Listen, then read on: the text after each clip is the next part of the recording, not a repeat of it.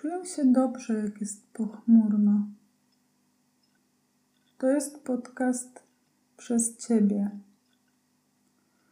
Ja jestem Janina. Dziś nagrywamy oddzielnie. W dzieciństwie lubiłam czas, gdy byłam przeziębiona. Nie musiałam wtedy iść do szkoły.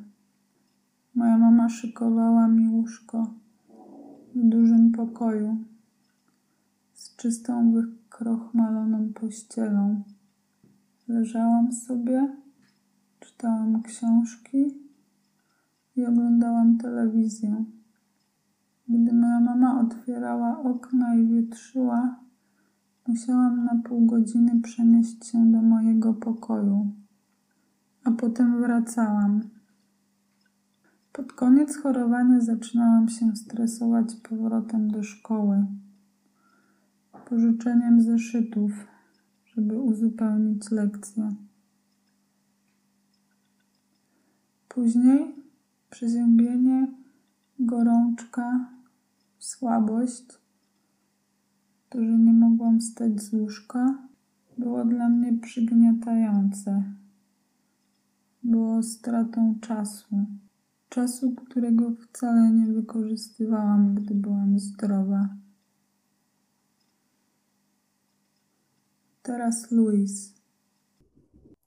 Od czterech dni nie wychodzę z domu, nie mam z nikim kontaktu, dlatego że mam zagrożenie mm, koronawirusem. To znaczy, mój lekarz prowadzący skierował mnie na powtórny test, bo kilka dni temu zorientowałam się, że oprócz tego, że jestem przeziębiona, nie czuję też zbyt dobrze smaku i nie mam węchu.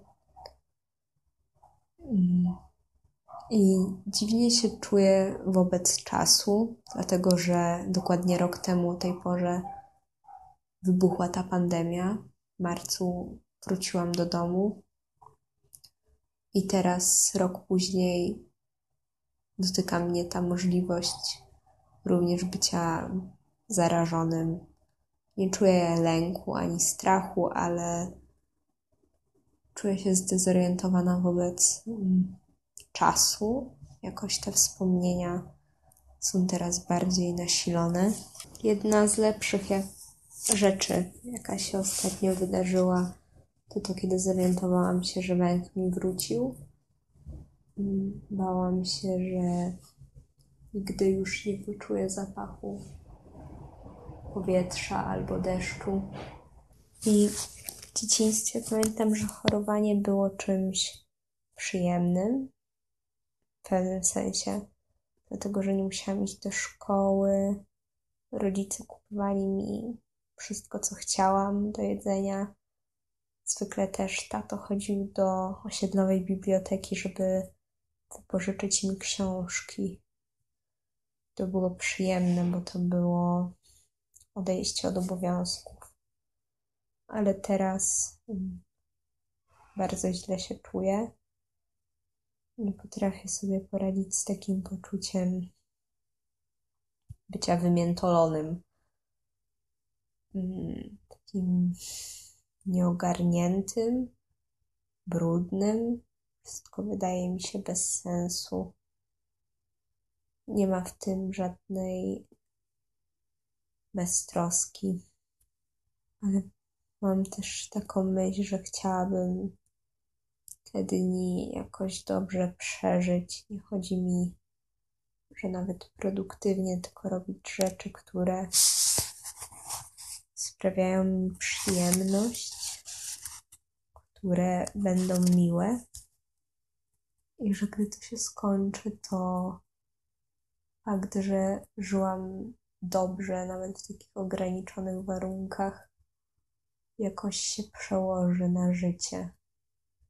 Że może bardziej docenię kontakt z ludźmi, z naturą, ale też możliwości, jakie mi daje ciało i przestanę już trwonić dni. Myślałam też o tym, że mogłabym oddać krew, jeśli się okaże, że będę ozdrowieńcem. Kilka dni przed tą izolacją, którą nakazał mi lekarz, gdy byłam chora, czułam się zaopiekowana. Miałam takie momenty, gdy leżałam w łóżku z naparem przyrządzonym przez kogoś specjalnie dla mnie, że czułam się tak jak wtedy w dzieciństwie. Czy może w tym byciu chorym chodzi o poczucie bycia zaopiekowanym? To był podcast przez Ciebie.